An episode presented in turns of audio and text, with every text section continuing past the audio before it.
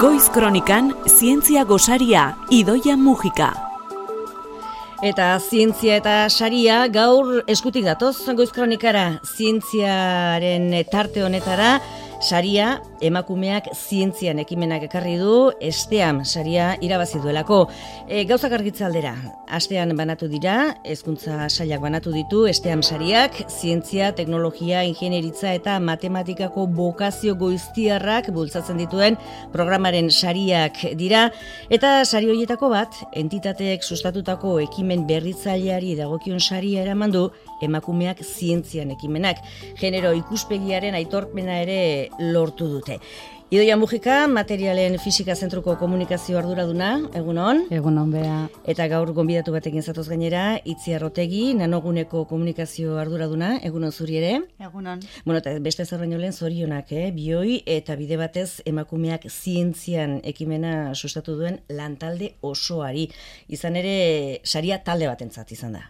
Hori da, bea, bai, hemen gaur gaude ba, talde horren zatitxo bat, itziar eta biok, baina jakin dezazuen, ekimen honen atzean amazazpi entitate daudela horratzen, eta behar bada entzulegia dagoeneko, bintzat sonatuko ia izena, emakumeak zientzian, ze igotzekin eta zurekin aipatu izan dugu, otxailaren inguruan egiten dugun jarduera ura da, eta aurra aurrera ateratzeko ba, ezinbestekoa da inbeste jende biltzea, eta dani zorionak, hemen dikan, eskerrik asko guritokatzen zaigun parteagatik, baina, bueno, baina gure lankide guzti. Orde, ordezkari batzu zarete, baina bueno, antalde zabala dago atzean.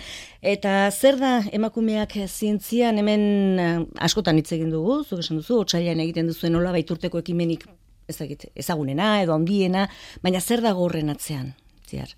Bai, emakumeak zientzian e, proiektua seigarren edizioa da urten egin duguna, eta jaiozen, ba, mila eta mazazpian e, ikerlari batzuk e, proposatu ziguten emakume zientzialarien lana ikusarazteko ekimen batzuk egitea otxaiaren amaikaren inguruan.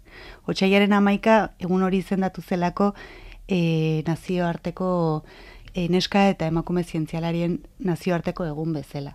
Eta bueno, hori proposatu eta seitu ama testigu hartu genuen, eta gutxinaka gutxinaka edizio edizio ba, nanogune, Donostia International Physics Center, e, materialen fisika zentroa, biomagune, e, polimat, eta asko... Ma, eta amazazpirarte.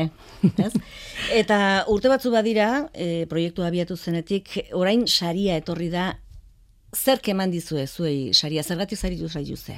Ba, bueno, argi daukagu alde batetik e, ekimen honek frente asko ikutzen dituela. Alde batetik saiatzen gera, ba, imaginatuko zuen bezala, inbeste jende implikatuta egon da, e, aska, e, aurkezten dugun programa oso zabala zuzentzen diogu publiko guztiei. Eta buruan euki ere ba urruti dago baina otsailen guru horretan benetan plazara ateratzen gera eta benetan saiatzen gera ikaslei, irakaslei, e, ikerlari beraiei, publikorokorrari, ba, adidun, adindun emakumei, ba, plus barro eta bosturtik orako aktivitate jarduerak ere badauzkagu, nerabe entzat espreski gaina, ba, em, nerabe neskatikoak erakarren ditugu, ba, pixkazin zabala dan gure programa, ez? Eta zenbat e, ikuspuntuetatik lantzen dugun zergatik handan garrantzitsua, ba, zientzia aldarrikatzea nesken kontua ere badela, eta hortarako ba, mm, baita ere eundaka bolondrez biltzen ditugu, ez da, itzear, eta horre daukan balioa, esatea, eske,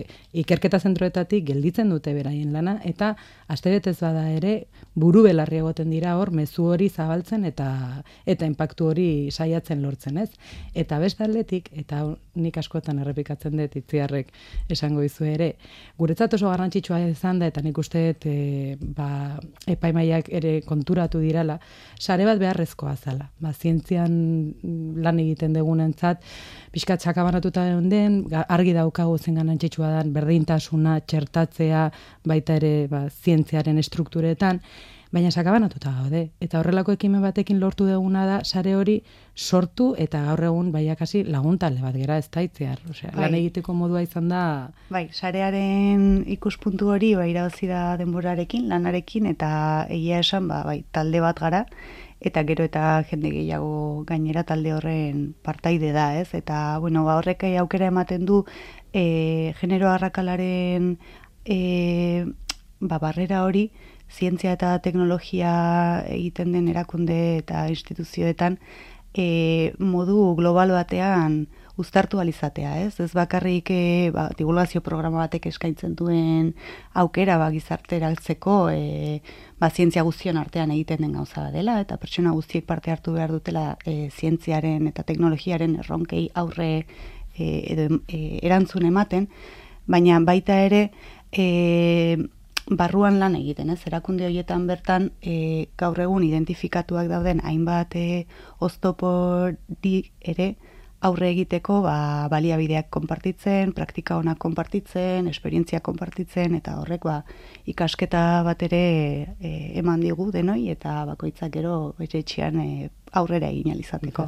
Eski askotan esaten dugu, ba, bokazioak sustatu behar dirala eta erakarri nahi ditugula neskak e, zientziara, orduan guk egiten duguna refleksioa da, zer dago beraien zai iristen diren. Hori da. Orduan, azkenean hortan ere lan pila bat egiten ari era. Bai, e, ateak zabaldu bai, baina gero etxe barruan ere ba, espazioa izan dezaten, ez?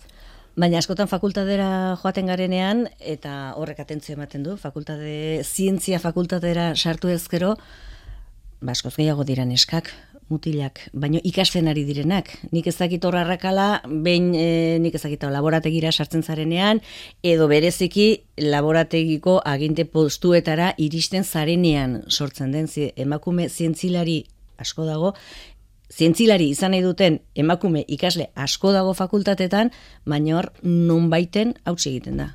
Bai, hala ere, badago e, gradu mailan ere, eta unibertsitate ikasketa mailan ere, e, zenbaki orokorretan, zientzia da teknologia ikasketak egiten dituzten emakumeak asko baldiera ere, disiplina arteetan ere desberdintasunak badira. Eta ingenieritzetan, eta informatikan esate Fisikan. baterako, fisikan, ba, gizonezkoen kopurua handiagoa da eta batzuetan nabarmen handiagoa.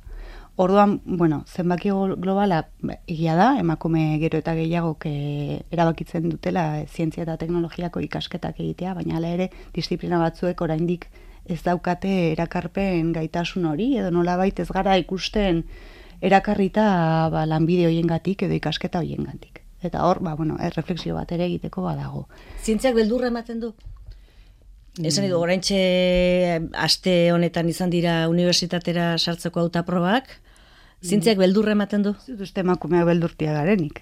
Ez oro esaten dute. Bai, eh? ez dut nik uste, erantzun alizekela baietz, bai emakumezkoentzat eta gizonezkoentzat ze e, arazoa esten e, karrerak aukeratzeko ez da bakarrekan emakumezkoena, hori egia da, geroz eta bokazio, osea, orokorrean sortu nahi dugu bokazioa zientziarekiko oso karrera zailak bezala atzematen dira, ez? Eta pixka bat ba, ez ez eukiko ba, segurtasun bat lan atopatzean, edo ez ez eukiko errax estabilizatzea, eta horrek nik utze bai atzera ematen duela pixka bat.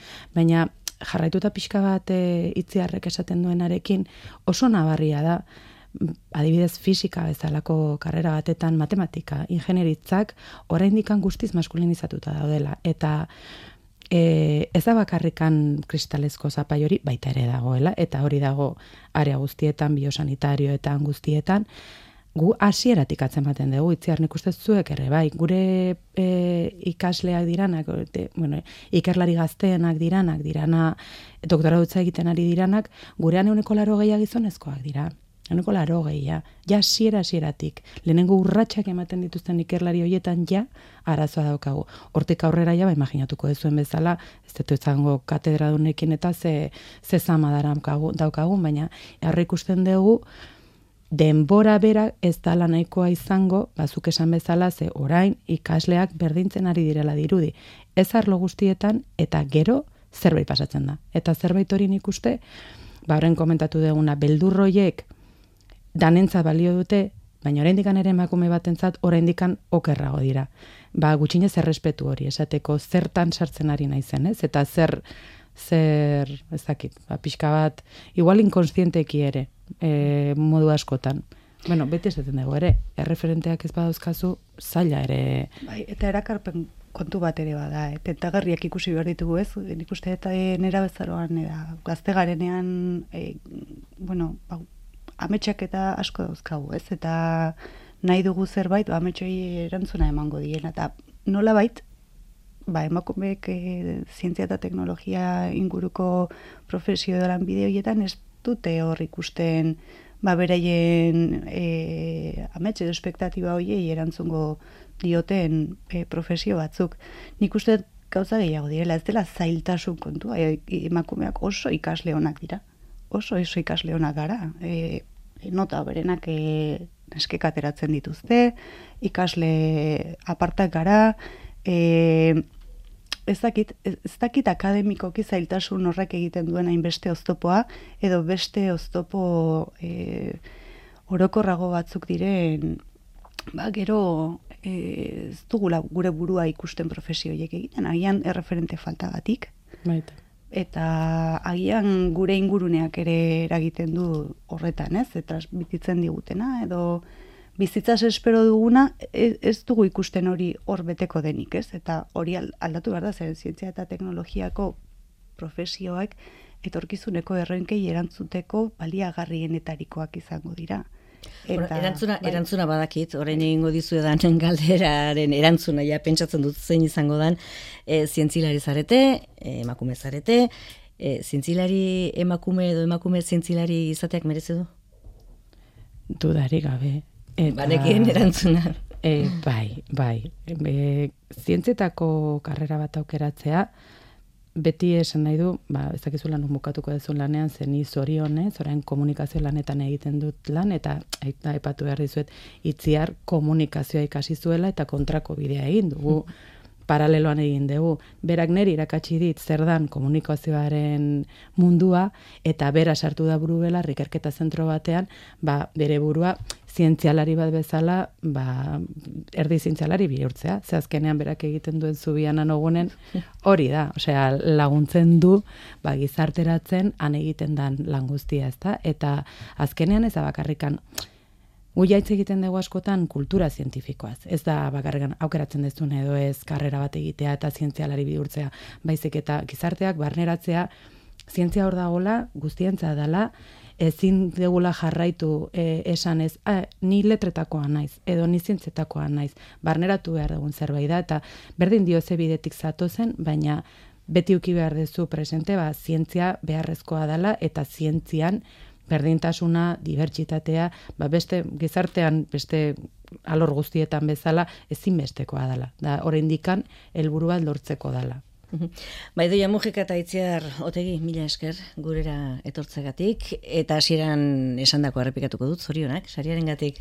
Mila esker zuri bea eskerrik asko